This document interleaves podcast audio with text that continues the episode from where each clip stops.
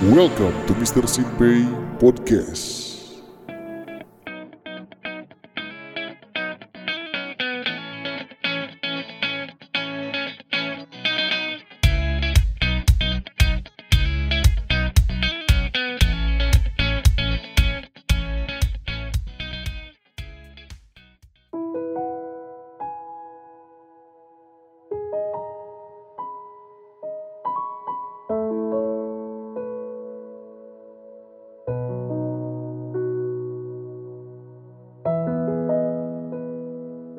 Bandung, Rabu 25 Maret 2020 Saat ini dunia sedang bersedih.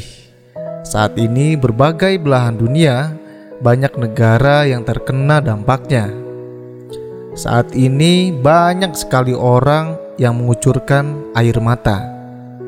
Saat ini Indonesia adalah salah satu negara dari banyak negara yang terkena dampak pandemik virus corona. Entah tahu dari mana asalnya, entah tahu dari mana jelas awalnya. Berbagai statement, berbagai pendapat bermunculan, hingga dikait-kaitkan dengan masalah agama sampai masalah politik. Yes, wabah virus corona atau dalam bahasa ilmiah COVID-19. Virus ini muncul di tahun 2019 di kota Wuhan, Cina. Ratusan, ribuan, bahkan tidak bisa dihitung jumlahnya, banyak orang yang terkena dampak sampai meninggal dunia. Sedih sekali rasanya. Dari munculnya virus ini, bermunculan virus lain. Mulai dari virus keuntungan di mana orang-orang memanfaatkan kondisi ini untuk mendapatkan pundi-pundi uang dengan cara menimbun alat medis, menjual dengan harga tinggi, memalsukan barang, hingga mendaur ulang dengan cara yang tidak sehat, hanya demi mementingkan keuntungan pribadi.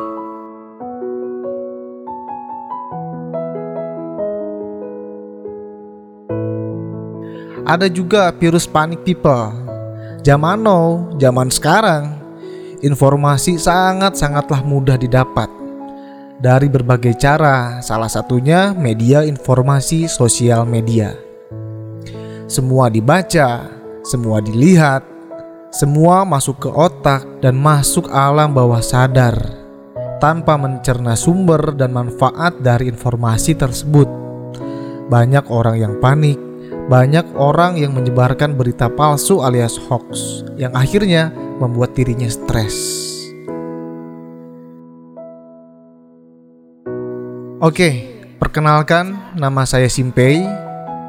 Saya mewakili dan merangkum sebagian orang-orang yang terkena dampak dari wabah tersebut dan dampak dari tersebarnya nama saya karena status virus ini.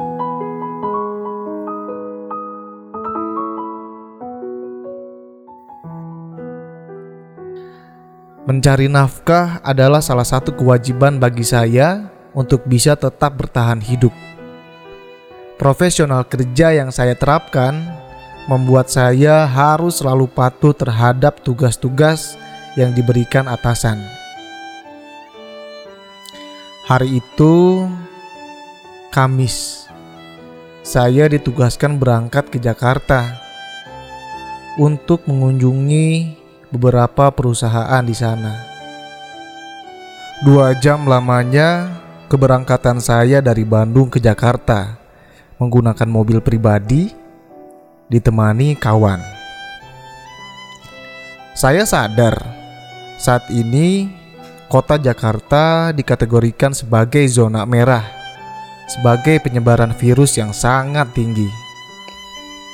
Hal ini menjadikan saya lebih berhati-hati dan safety tentunya. Tiga hari lamanya di Jakarta, ketemu orang sana-sini bersalaman, bercengkrama, sampai saat itu sempat saya pergi ke salah satu mall di Jakarta dengan niat untuk cari makan. Dan ternyata jam 8 malam saja mall tersebut sudah tutup. Katanya mengikuti aturan pemerintah agar mengurangi jam operasional dan mengurangi kerumunan orang. Dengan tujuan ya membatasi penyebaran virus ini. Singkat cerita, sampailah di hari terakhir yaitu hari Sabtu. Saya pulang ke Bandung. Dan di hari itu juga saya merasa kurang enak badan. Dada mulai kerasa sesak. Oh, mungkin karena saya seorang perokok dalam hati. Selain itu, sedikit batuk dan sakit perut. Ini nih yang paling parah. Oh, God. Setelah baca gejala-gejala wabah virus itu, saya mulai panik, ketakutan hingga stres. Di kosan sendirian, mulai saya infokan ke teman-teman dan keluarga bahwasanya sekarang sedang mengalami gejala-gejala itu. Ya, semuanya khawatir. Mereka semua memberi masukan dan saran sana-sini ke saya. Saya pun mulai mempelajari tentang virus ini. Oh iya, saya tinggal di kosan dekat dengan tempat kerja. Oke, karena hari ini hari Sabtu, mungkin nunggu besok hari ya, hari Minggu. Kalau gejala ini tidak terlalu parah, oke lah, let's go pulang ke rumah istirahat. Awalnya saya bertekad tidak pulang ke rumah dengan alasan takut virus ini ada di badan saya dan bisa menular ke orang-orang terdekat saya. Dengan kondisi panik, ketakutan yang luar biasa, dan stres saat ini, sampailah saya di rumah, bertemu dengan keluarga, dengan teman-teman, semuanya di sana. Apa reaksi mereka? Wih, ada yang baru dari Jakarta nih. Awas, jangan deket-deket nanti ketular virus corona.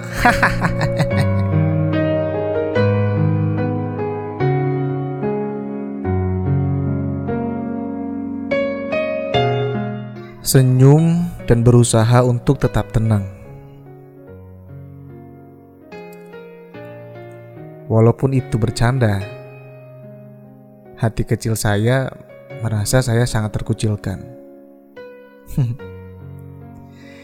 Besoknya hari Senin, saya bertekad untuk periksa di rumah sakit terdekat di rumah. Sesampainya di sana, dokter nanya saya, sempat ke daerah zona merah? Saya jawab, ya, Jakarta tiga hari. Dokter nanya sempat bersalam-salaman kah di sana? Saya jawab, iya. Apa keluhannya sekarang? Saya jawab, sesak napas, sedikit batuk, dan sakit perut. Ya, dari situ tahu-tahu saya dikasih status ODP, orang dalam pantauan. Saya tambah panik. Benar-benar panik. Tapi Dokter bilang ODP itu untuk orang-orang yang sempat pergi ke zona merah, terus orang-orang yang sempat kontak dengan pasien atau menunjukkan gejala-gejala ringan. Dia bilang termasuk si dokternya sendiri, dia masuk kategori ODP.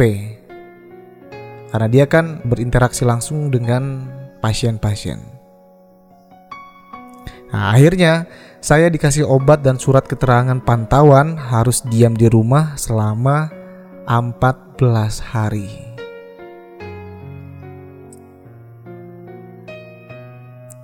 Tidak boleh ke mana-mana, tidak boleh berdekatan dengan orang lain, tidak boleh satu tempat makan atau minum dengan orang lain. Itu membuat saya aneh dan merasa terkucilkan. Gak kebayang dong harus diam di kamar selama itu. Paling main HP, buka laptop, ya kurang lebih itu yang saya lakukan nanti. Inisiatif saya untuk share info-info dan yang saya rasakan mengenai virus ini di Instagram. Dan wow, ternyata sangat sensitif. Mulai dari situ, teman-teman, keluarga, saudara, semuanya meminta klarifikasi saya. Mereka semua tanya lewat DM, Instagram, dan WhatsApp. Jujur ya, ini membuat saya merasa sangat terkucilkan. Dengan tersebarnya info ada seseorang yang masuk kategori ODP virus ini. Nama dan tempat daerah saya tinggal menjadi sorotan.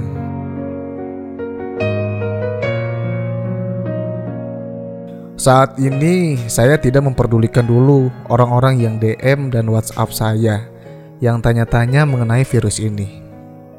Jujur, saya masih ketakutan dan tambah terkucilkan.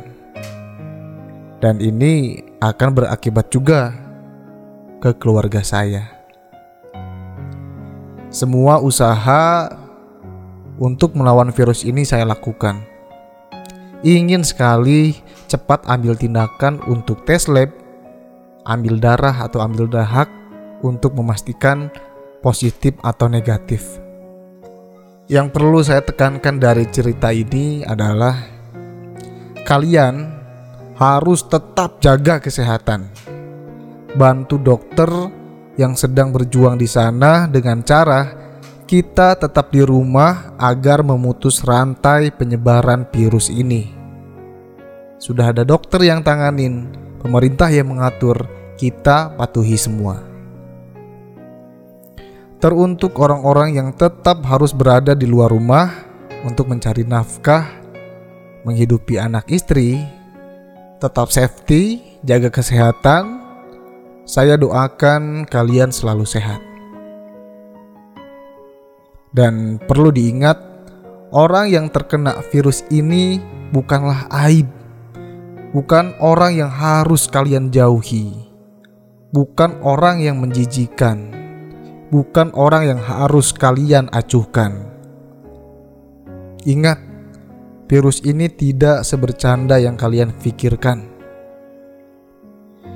Mereka tetap butuh dukungan dari kalian.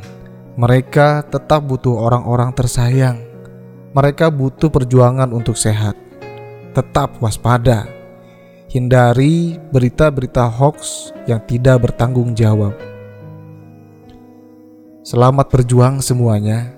Selamat bertugas para tim medis. Semoga Indonesia secepatnya semakin membaik. Semoga dunia kembali tersenyum. Saya rindu tarawih. Saya rindu makan sahur bareng keluarga. Saya rindu asiknya menahan lapar saat bulan puasa. Saya rindu lebaran. Saya rindu semuanya tersenyum.